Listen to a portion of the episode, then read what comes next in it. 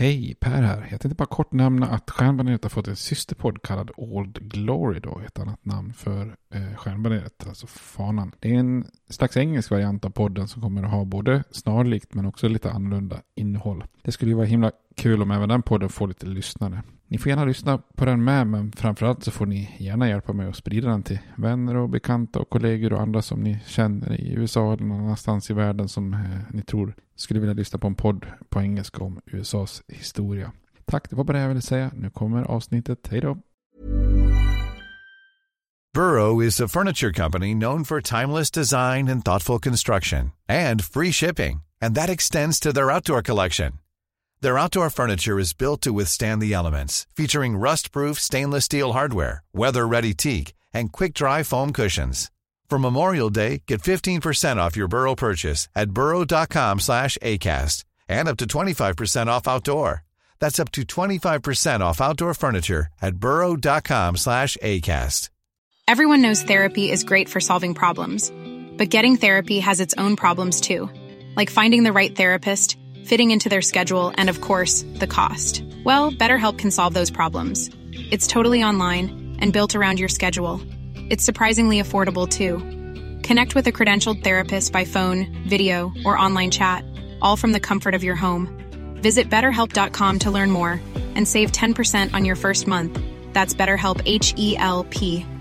I'm Sandra, and I'm just the professional your small business was looking for. But you didn't hire me because you didn't use LinkedIn jobs. LinkedIn has professionals you can't find anywhere else, including those who aren't actively looking for a new job but might be open to the perfect role, like me. In a given month, over 70% of LinkedIn users don't visit other leading job sites. So if you're not looking on LinkedIn, you'll miss out on great candidates like Sandra. Start hiring professionals like a professional. Post your free job on linkedin.com/people slash people today.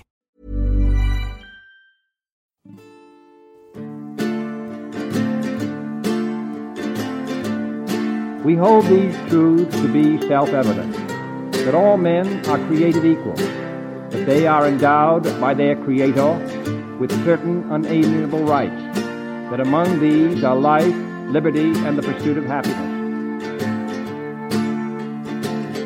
Now we are engaged in a great civil war, testing that government of the people, by the people, for the people, shall not perish from the earth. And so, my fellow Americans, ask not what your country can do for you, ask what you can do for your country. I have a dream. My four little children will one day live in a nation where they will not be judged by the color of their skin, but by the content of their character. Mr. Gorbachev, tear down this wall.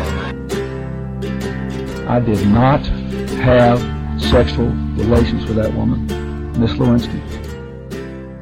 Hej och välkommen till Stjärnbaneret, en podcast om USAs historia med mig Per Fjärdingby. Där jag kör vidare i den här serien om afroamerikansk historia. Och brukar ju gå rätt på, rätt på sak så att säga. Och det är faktiskt några som har uppskattat eh, det i, i meddelandena. Att tycker att det, att det är bra när en podd går rätt in på ämnet. Sen finns det några av er som har velat haft lite mer med info vem jag är och vilken, varför jag har fått det intresset och så vidare. Så jag får bjuda, bjuda på lite mer av mig själv en annan gång då så att säga. Men än så länge så tänkte jag hoppa rätt på då. Och vi har ju betat oss igenom den afroamerikanska medborgarrättskampen både, både 2030 och, och stora delar av 40-talet här med andra världskriget i förra avsnittet då.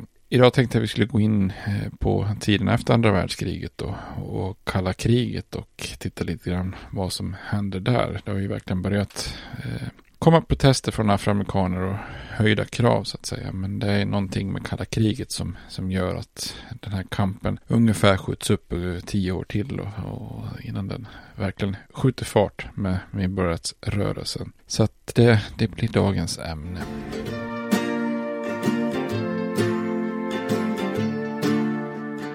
Vi pratade ju som sagt om andra världskriget i, i förra avsnittet och när eh, afroamerikanska soldater kommer hem efter andra världskriget så, så är det lite grann precis som efter första världskriget att man höjer ribban på sina krav eh, i det amerikanska samhället. Har man bekämpat fascister utomlands så var många bestämda att man inte tänkte tillåta samma typ av liksom fascistiska behandling i södern. Eh, en soldat eh, sa bland annat citat I went into the army a nigger, I'm coming out a man. Och så lägger han också till att eh, han inte tänker Let the Alabama version of the Germans kick me around when I get home. Så att här tänker han att nu är det dags att börja protestera på allvar mot samhället och rasismen, framförallt i södern då kanske.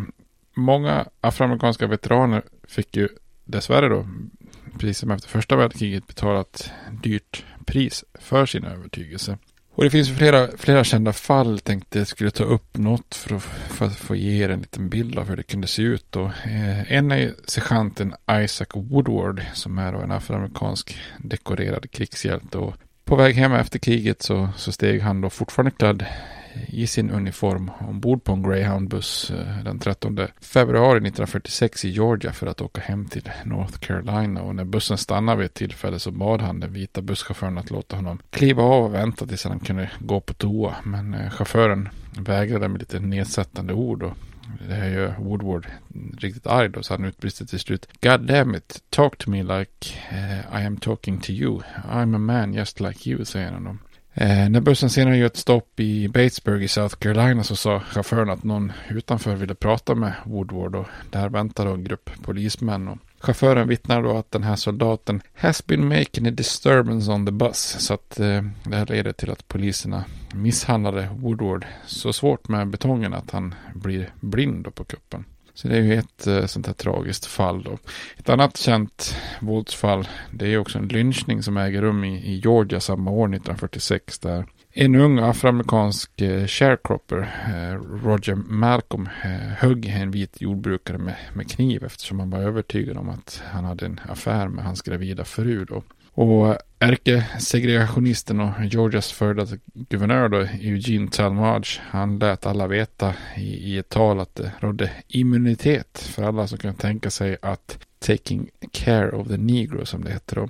Och en afroamerikansk veteran och vän och svåger till, till Malcolm då, George Dorsey, eh, även han en sharecropper, han bestämde sig för att försöka rädda sin vän då. Eh, och han fick eh, deras arbetsgivare att köra honom och hans fru och, och den här Malcolms fru då till arresten och betala borgen för Malcolm. Men på väg tillbaks med de här fyra afroamerikanerna i bilen så, så blir då den här arbetsgivaren isolerad på en bro på landsbygden nära orten Monroe där en grupp 30 beväpnade vita män eh, då väntar på dem och stoppar dem. Det är lite oklart än idag om den här arbetsgivaren var involverad i de här planerna eller om han eh, efteråt då eller om han, eh, för han kunde inte identifiera männen eller vågade inte identifiera männen och så så att det är väldigt oklart då. Men de här fyra afroamerikanska männen då och kvinnorna, eh, alltså två män och två kvinnor radas då upp då.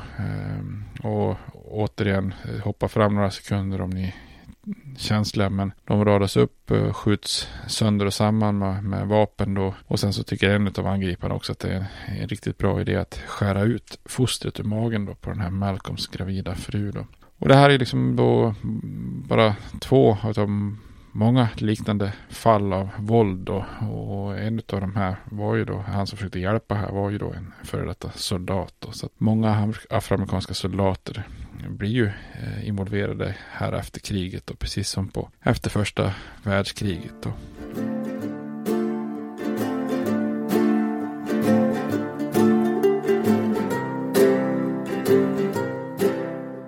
Mot den här eh, bakgrunden då och den här lilla våldsvågen så, så startas då ett organ som kallas för National Emergency Committee Against Mob Violence som då var en mix av medborgaraktivister och religiösa grupper och arbetargrupper och så som förespråkar reform då. Och en av de ledande figurerna var NWACPs ledare Walter White. Eh, och i september 1946 så får den här gruppen möjligheten att faktiskt möta president Harry Truman då, som har tagit över efter Franklin Roosevelt då, eh, som, som dog tidigare samma, år, samma år. Då.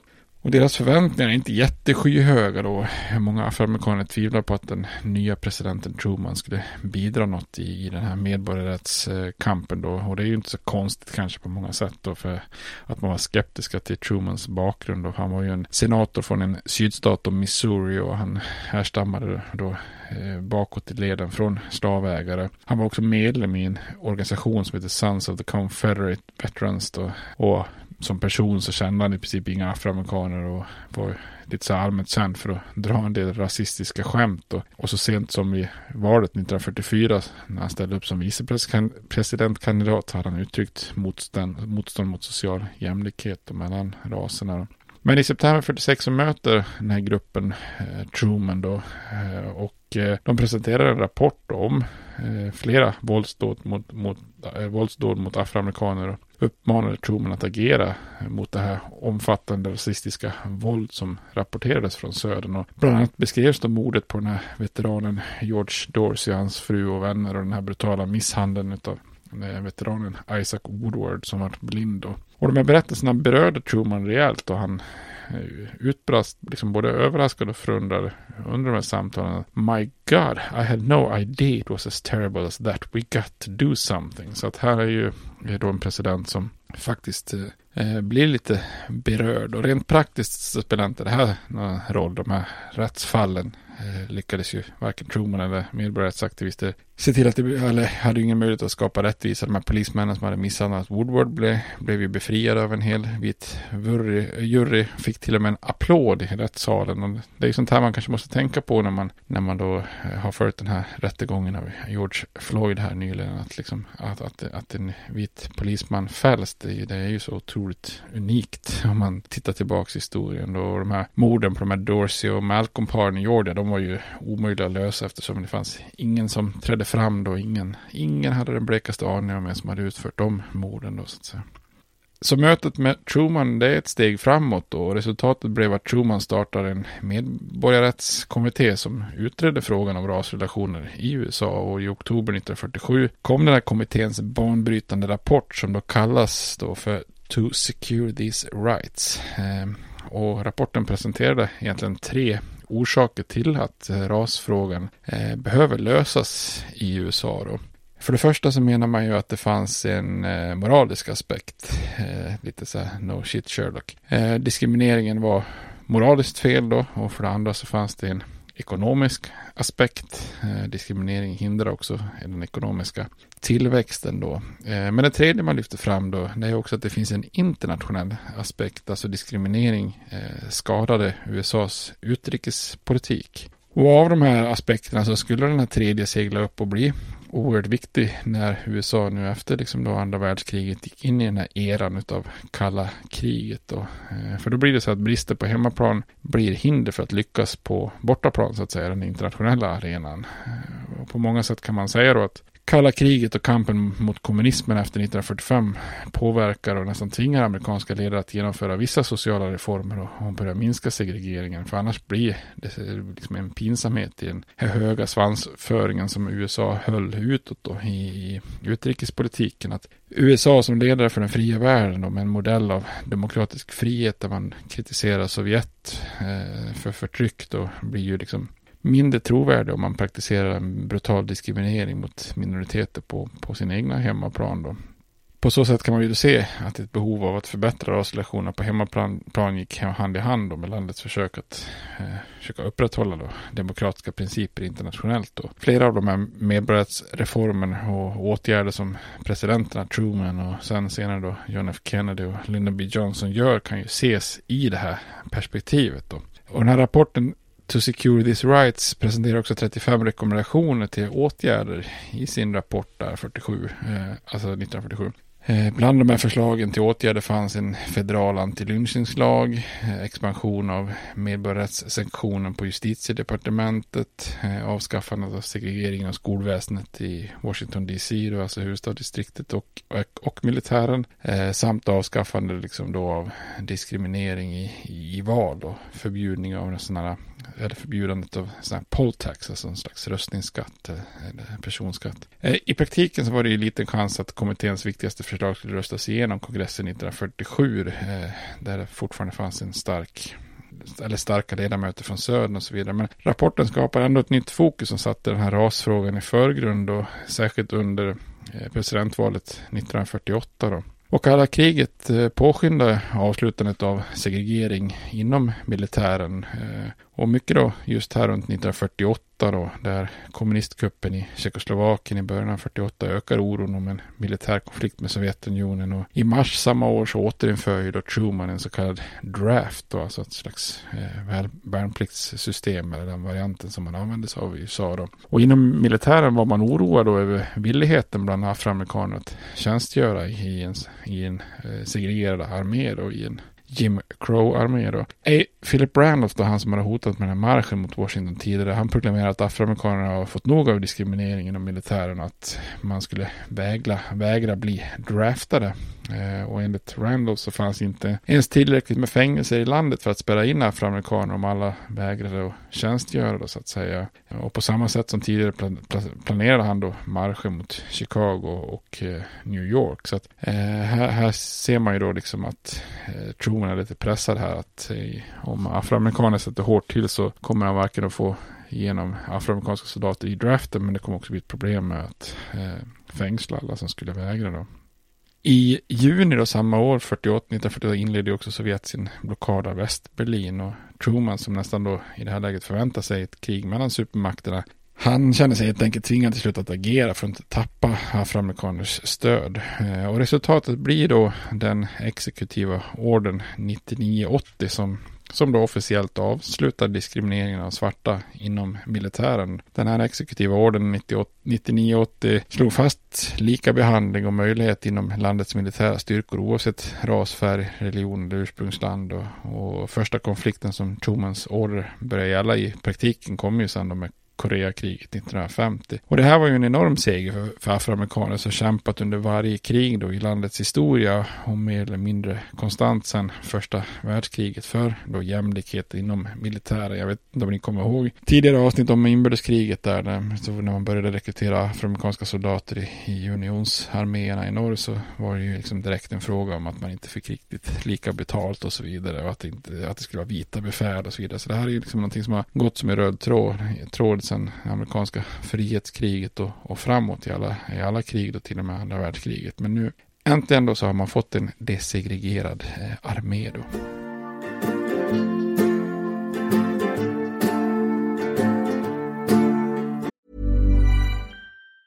Burrow is a furniture company known for timeless design and thoughtful construction and free shipping. And that extends to their outdoor collection. Their outdoor furniture is built to withstand the elements, featuring rust-proof stainless steel hardware, weather-ready teak, and quick-dry foam cushions. For Memorial Day, get 15% off your Burrow purchase at burrow.com slash ACAST and up to 25% off outdoor.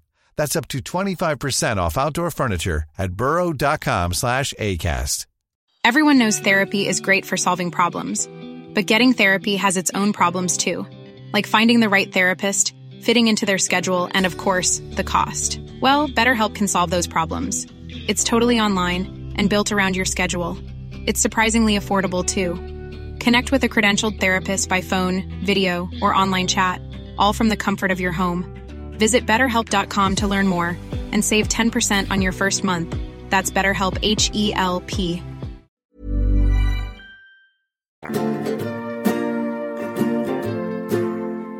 Harry Truman då, han hade ju kommit till Vita huset eh, efter att ha trätt in då från vicepresidentposten efter eh, Franklin Delano Roosevelts död. Och redan när han utnämndes till vicepresident hade det ju varit en överraskning för väldigt många.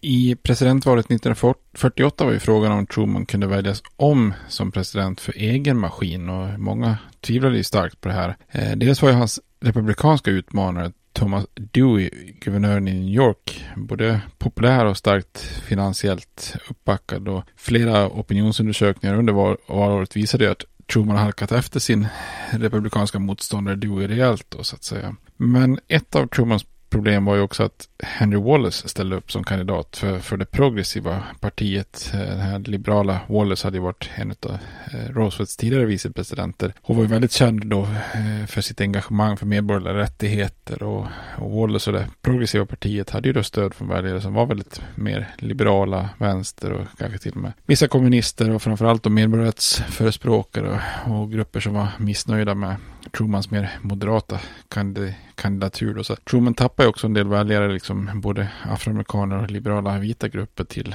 till Wallace. Då. För att underminera Wallace eh, utmaning så började Truman då förespråka liberala åtgärder. Eh, eftersom röster från afroamerikanska väljare i, i nordstaterna var nödvändiga för, för Truman för att segra. Då, så såg helt enkelt hans kampanjchef Clark Clifford till att eh, Truman istället gjorde afroamerikanska rättigheter till en valfråga för att öka Trumans stöd. Så i januari 1948 så ställde sig Truman bakom slutsatserna och förslagen till åtgärder från den här rapporten då to secure these rights. Så på partikonventet så röstade Demokraterna igenom ett valmanifest som förespråkade vissa medborgerliga rättigheter. då. och pricken över i kom ju i, i juli 1948 då när Truman också utfärdade sin exekutiva order då som avslutade segregeringen inom armén. Då. Eh, om det varit otydligt innan så var det nu övertydligt för alla att Truman visade sitt stöd för afroamerikaner. Responsen från politiker i söder, eh, demokrater mestadels då, kom ju som ett brev på posten som en som ett sväng då utav detta. Eh, deras hot var ju snabbt, snabbt och kraftfullt. I augusti samlas man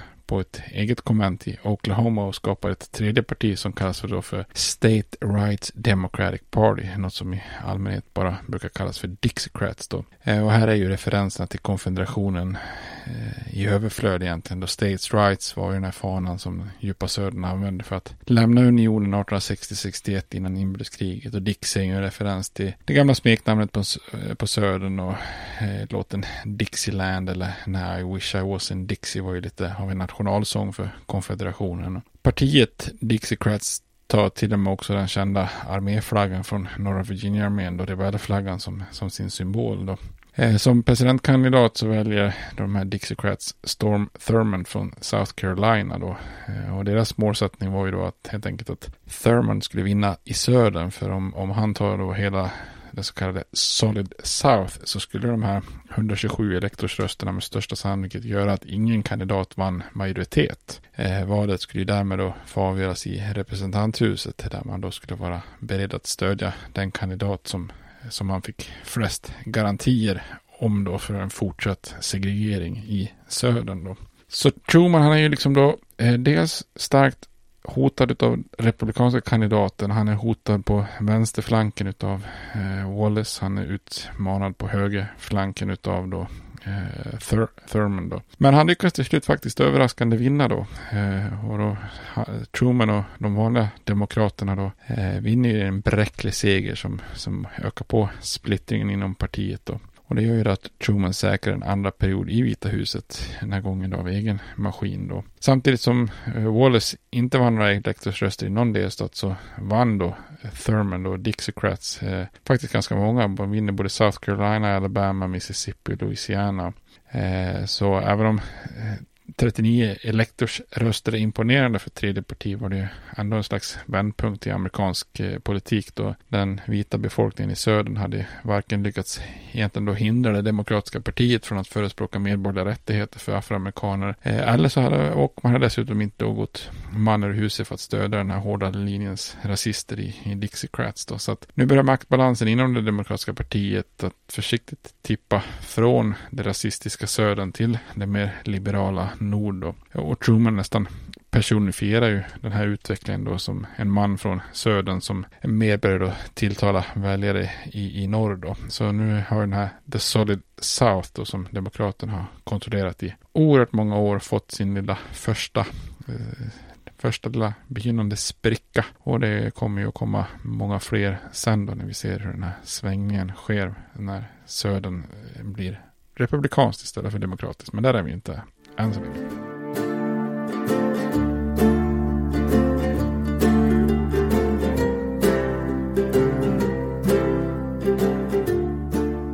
Kalla kriget och kampen mot det kommunistiska Sovjet dominerar ju i USA på slutet av 40 och början av 50-talet och kalla kriget påverkar ju i princip allt på något vis. Eh, det är ju inte bara det internationella utan det är ju väldigt stor inverkan på USAs inrikespolitik och samhället i, i stort. Och konservativa krafter i USA använder ju den här rädslan för kommunismen för att angripa olika, olika tänkande grupper. Och man ser kopplingar till Sovjet och kommunistkupper lite här och där på ett sätt som ofta går över gränsen till paranoida övertramp liksom på, på rättigheter. Det absolut värsta uttrycket är naturligtvis den här hemska hysterin som Joseph McCarthy sätter igång då med hjälp av kongressens kommitté då, den här eh, House Un-American Activities Committee. Eh, vill man veta mer om den här eh, McCarthyismen och kommunistskräcken så gjorde vi ju faktiskt i podden, jag och Robert, ett väldigt tidigt avsnitt om det här med lite ljudcitat från Eugene, eller från McCarthy då, så att eh,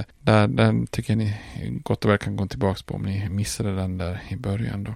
Men de som drabbas av eh, den här kommunistskräcken är ju naturligtvis kommunister och vänsteranhängare och kanske allmänt liberala. Men också väldigt mycket medborgarrättskämpar blir utsatta för den här eh, skepsisen som kommunistskräcken innebär. Då. En av de som drabbas är ju W.E. W.E.B. Du Bois då, som jag pratat mycket om tidigare, som anses då radikal och som trots sitt kändisskap sugs in då i den här kommunistskräckens nät. Han har ju också vid senare år mer och mer liksom Eh, mer och mer en politisk övertygelse som vandrar mot det kommunistiska. Då. Eh, och han grips och anklagas för att vara en agent för internationell kommunism eftersom han har ett stort engagemang då i arbetet med den panafrikanska kongressen och andra internationella grupper då som ju egentligen inte har någonting med kommunism att göra men som då av de här eh, konservativa tolkas som det då. Ett annat tragiskt offer för kommunistskräcken är ju också Paul Robeson. Eh, Ro Robeson överger då en karriär inom amerikansk fotboll och hoppar på juriststudier på 20-talet och blir en, sen efter det då en berömd sångare och skådespelare. Och hans höjdpunkt i, i karriären kom under just andra världskriget när han hade huvudrollen i Othello, eller Othello, vad heter det, pjäsen där, eh, Shakespeare på Broadway då.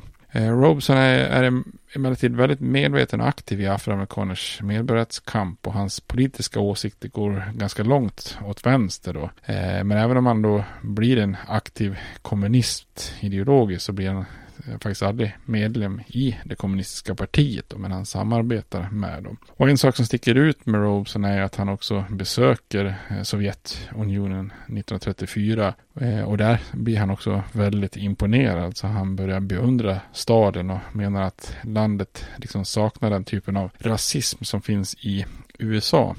Det kan ju finnas andra eventuella negativa sidor i Sovjet, men, men han ser inte riktigt dem då. Och i många tal så kopplar Robeson afroamerikanernas medborgarrättskamp på hemmaplan samman då med en internationell kamp för alla svarta som görs i olika länder som Brasilien och Haiti, och Afrika, Asien och så vidare.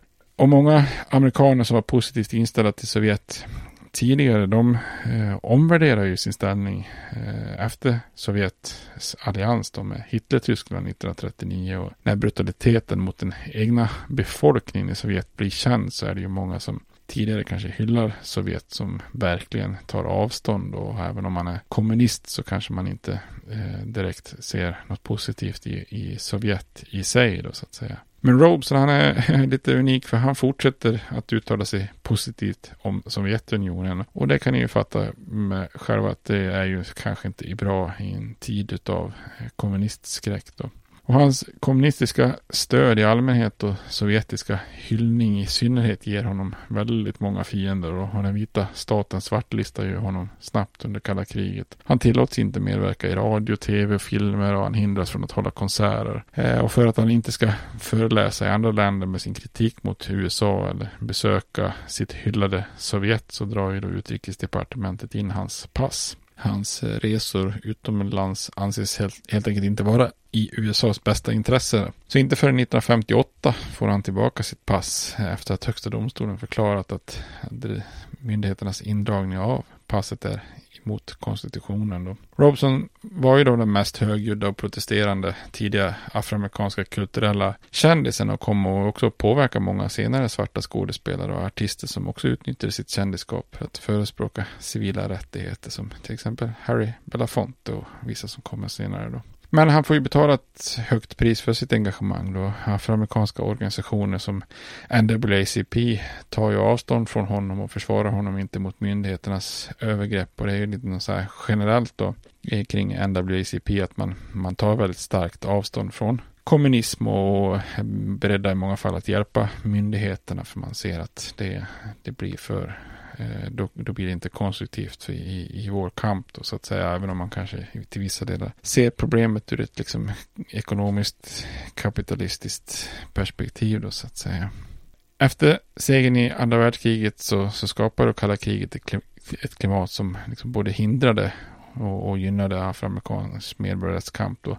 De radikala kämparna som då Paul Robeson och W.E.D. Boy motarbetas ju och åstadkommer inte framsteg. Men mer moderata organisationer som NAACP börjar sakta skörda lite framgångar. Då. Så på visst sätt kan man ju säga att kalla kriget skjuter upp medborgarrättsrörelsen i ungefär ett decennium då under perioden efter andra världskriget då eh, fram tills den här väldigt berömda domen kommer i högsta domstolen som kallas Brown vs. Board of Education eh, 1954 då. Eh, men eh, till slut så eh, kommer den grunden och med den rättsdomen så så, eller rättsfallet så, så tar medborgarrättsrörelsen verkligen fart. Eh, och i nästa avsnitt tänkte jag att vi skulle kolla på den här eh, NWAC, kamp och eh, liksom kronjuvel som då är det här rättsfallet Brown vs. Board of Education. Men eh, tills dess så får ni ha det bra. Hej då.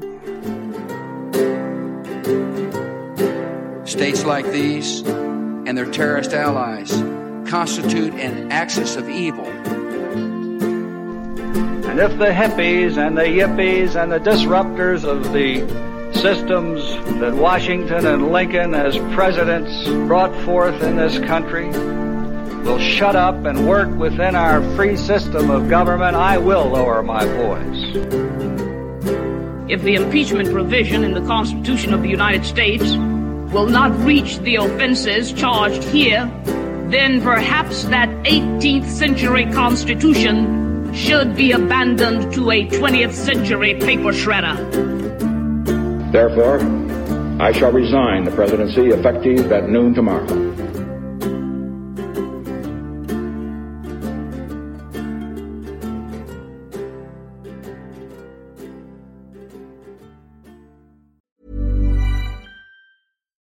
We're on a budget, we still deserve nice things. Quince is a place to scoop up stunning high-end goods for 50 to 80% less than similar brands. They have buttery soft cashmere sweaters starting at $50, luxurious Italian leather bags, and so much more. Plus, Quince only works with factories that use safe, ethical, and responsible manufacturing. Get the high-end goods you'll love without the high price tag with Quince. Go to quince.com/style for free shipping and 365-day returns.